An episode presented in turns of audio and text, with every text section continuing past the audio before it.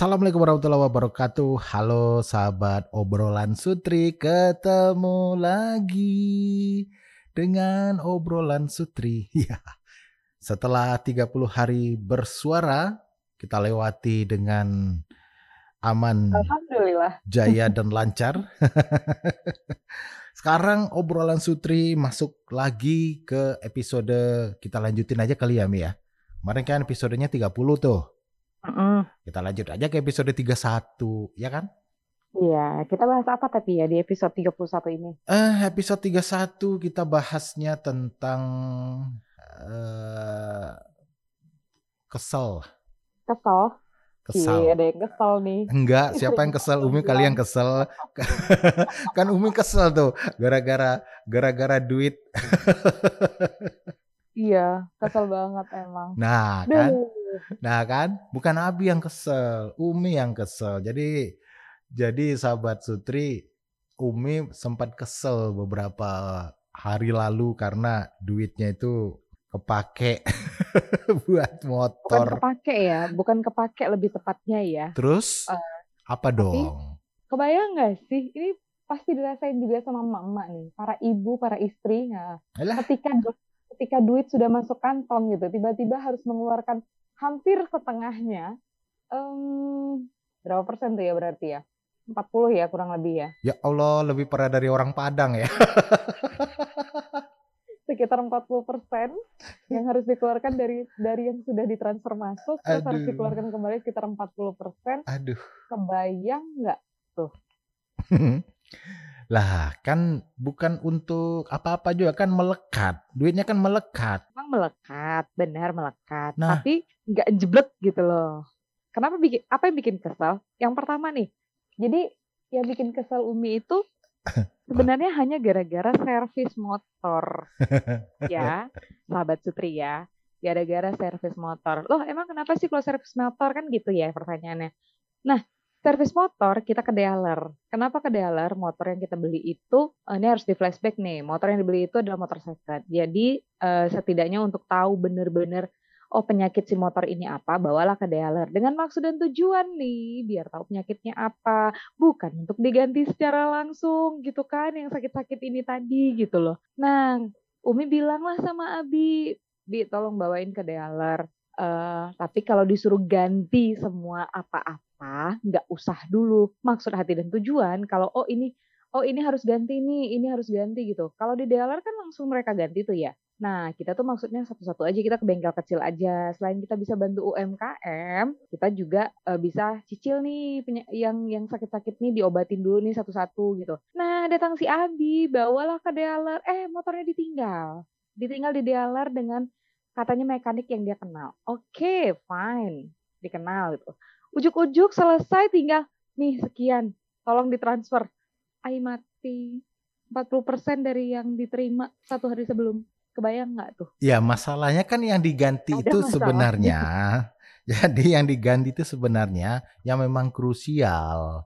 Kalau ini nggak diganti, itu bisa aja mogok di jalan. Justru ketika itu diganti di bengkel-bengkel kecil, sama tuh kasusnya dengan saringan udaranya yang kata orang bengkel dealer, ini saringan udaranya nggak asli, palsu. Nah ini yang salah satu penyebabnya kalau eh, mo- motornya itu berebet, berebet, berebet, berebet di jalan. Makanya yang saringan minyak, karena ini saringan minyak nih, pompa minyak yang memang krusial, yang mentransfer minyak dari tangki ke mesin, makanya mendingan diganti daripada ke bengkel kecil, taunya digantinya ke pompa minyak yang second atau pompa minyak yang kanibal, kan lebih parah nih. Coba. Sebenar, sebenarnya kalau memang dibilang krusial, oke krusial. Tapi kan kita nggak jeblok sekaligus semua gitu loh maksudnya. Ya kan nggak Jadi, semua sih, satu-satu. nggak Apa semua. nggak semua? Itu tuh udah semua tuh. Nggak. Itu tuh udah semua, udah include yang harusnya bisa bulan ini seteng seperempatnya atau seperenamnya. bulan depan tambah lagi, bulan depan yang lain lagi, bulan depan yang lain lagi, atau ambil dua bulan ini di bengkel kecil gitu. Jadi nggak terlalu kaget mengeluarkan uangnya. Ini begitu dikeluarin, plak kaget gitu kan. Walaupun memang hari ini ditransfer keluar 40%, besoknya masuk 42%. persen. Gitu kan. langsung diganti Allah langsung kan. 42%. Langsung Diganti diganti Allah. Allah, Nah, makanya ikhlas-ikhlas saking lah. saking saking ikhlasnya dan gak ngeh gitu kan. Alhamdulillah udah masuk nih. Ya Hmm. udah belanja belanja belanja belanja tiba Hmm. ngecek ngecek saldo. Masya Allah, kenapa duitku tinggal 300 ribu ya di ATM yang Nah, ini gitu kan. itulah Langsung emak-emak mikir kayak lagi, gitu tuh. ke mana ya, ke mana ya? Perasaan kemarin baru masuk 42% itu gitu kan. Aduh, udah kesel sendiri, senang sendiri, iya. taunya bingung sendiri. Nah, itulah emak-emak itu tuh. Emang sih emak-emak em- itu, istri-istri itu memang dalam keuangan selalu menjadi andalan. Tapi terkadang ketika sudah megang sendiri dan itu dikelola sendiri, terkadang ya kadang lupa diri, loss gitu loh. Ah, memang harus ada harus ada dewan pengawasnya. Betul, betul, betul, betul. Aduh, Makanya makanya sebenarnya hmm, eh, kalau kalau dalam hukum Islam yang yang setahu Umi nih ya, ya. selama-lemahnya iman dan sefakir-fakirnya ilmu agama gitu kan ya. mm, eh yang cari nafkah tuh kan suami gitu ya. Iya. Nah, jadi si suami ini berapa yang mau beliau eh, berapa yang mau suami kasih ke istrinya gitu sebagai nafkah untuk istrinya. Beda nih, nafkah anak, nafkah istri, belum lagi belanja. Nah, berarti ada beberapa beberapa item gitu ya. Hmm. Nah, itu kan harus beda-beda tuh. Eh, kalau ngikutin ngikutin yang yang sunahnya sefakir-fakirnya ilmu umi ya. Tapi ketika dikasih jeblok sekaligus ya di situ nafkah ya di situ belanja, di situ uang eh, buat anak dan segala macam, ya udah gigit jari deh istrinya. Cuma kadang gini juga sih karena mungkin ada beberapa suami yang ngejeblek gitu aja karena ketika itu dibagi-bagi misalnya ini nafkah istri, ini nafkah anak, ini itu belanja. Khawatirnya mungkin ada kekhawatiran sang suami itu mikirnya gini, aduh kalau aku kasih untuk nafkah istri segini kayaknya nanti dianggap kurang, ya kan? Terus kalau eh, di pos untuk nafkah anak segini, aduh masa anak cuma segini. Terus kalau untuk belanja, mana cukup belanja segini dalam sebulan. Nah makanya ya udah kelola aja sama istri, dikasih nih nafkah, slek silakan dibagi-bagi biasanya mungkin. Mungkin seperti itu. Soalnya kan kadang kalau di pos-pos kayak gitu kan takutnya terkurang atau terlebih. Nah, menghindari wah tiap bulan ngasihnya belanja cuma segitu. Nafkah cuma segitu, anak segitu. Nah, kan Beda gitu. beda kali bi. Kalau untuk nafkah nafkah istri itu ya nggak boleh diganggu gugat gitu loh. Jadi mau berapa aja dikasih sesuai dengan kesanggupan suami, bukan masalah kurang enggaknya. Kalau dibilangin kurang, mau dikasih dikasih eh, puluhan juta sebulan buat nafkah doang nih. Kalau Kurang. dikasih puluhan juta doang, eh puluhan juta doang, dikasih nafkah bulanan misalnya puluhan juta, kalau si istrinya nggak bisa bersyukur tetap aja kurang. Mau Nah, dikasih 500 ribu, kalau misalnya memang istrinya bersyukur tetap aja itu berlebih. nah, berarti intinya adalah bersyukur. Ya, Sekesal-kesalnya kita, tetap disyukuri.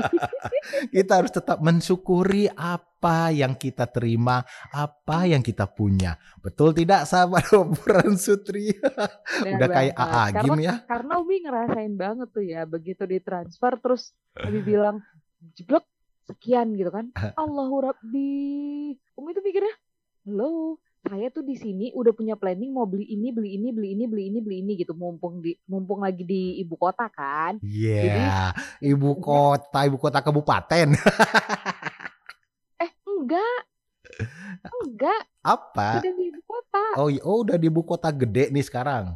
Sudah di ibu kota, tapi di Widih. bagian utaranya. Hmm, sama aja. Nggak di pusat ya apa pokoknya masih di ibu kota gitu Sama di bagian aja. utara Oh gitu, iya iya. nah jadi mikir kan ongkir kan pasti lebih murah tuh Hmm, ongkir lebih murah mm-mm.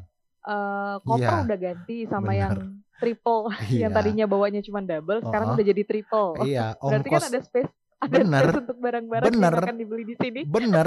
Umi mikir ongkir di situ memang murah gitu loh. Tapi ongkos bagasi dari sana ke Padang yang luar biasa mahal tahu. Mohon maaf Pak, Kalau kelebihan pakai- bagasi. mohon, mohon maaf Pak, Kenapa? kita pulang nanti pakai Indah Kargo aja Pak. Apanya Sumpah barangnya?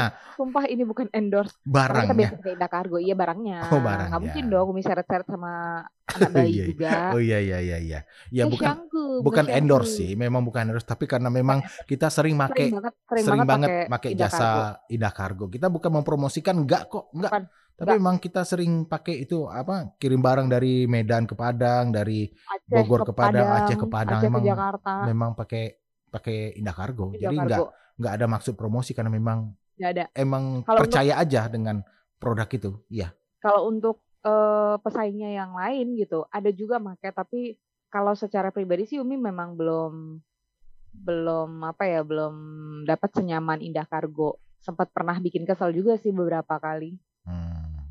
ketika barang diantar ke rumah, terus dia eh, kita cek di aplikasi, jawabannya Hmm.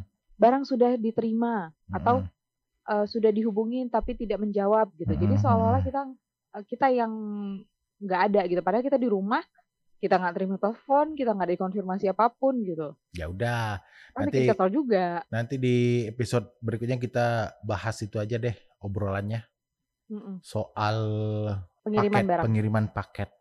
pengiriman paket, Mm-mm. benar. Ya udah deh gitu kalau deh. gitu Intinya, udah. Konklusinya adalah ketika kita kesal tetap harus bersyukur. Ya, itulah konklusi obrolan Sutri hari ini.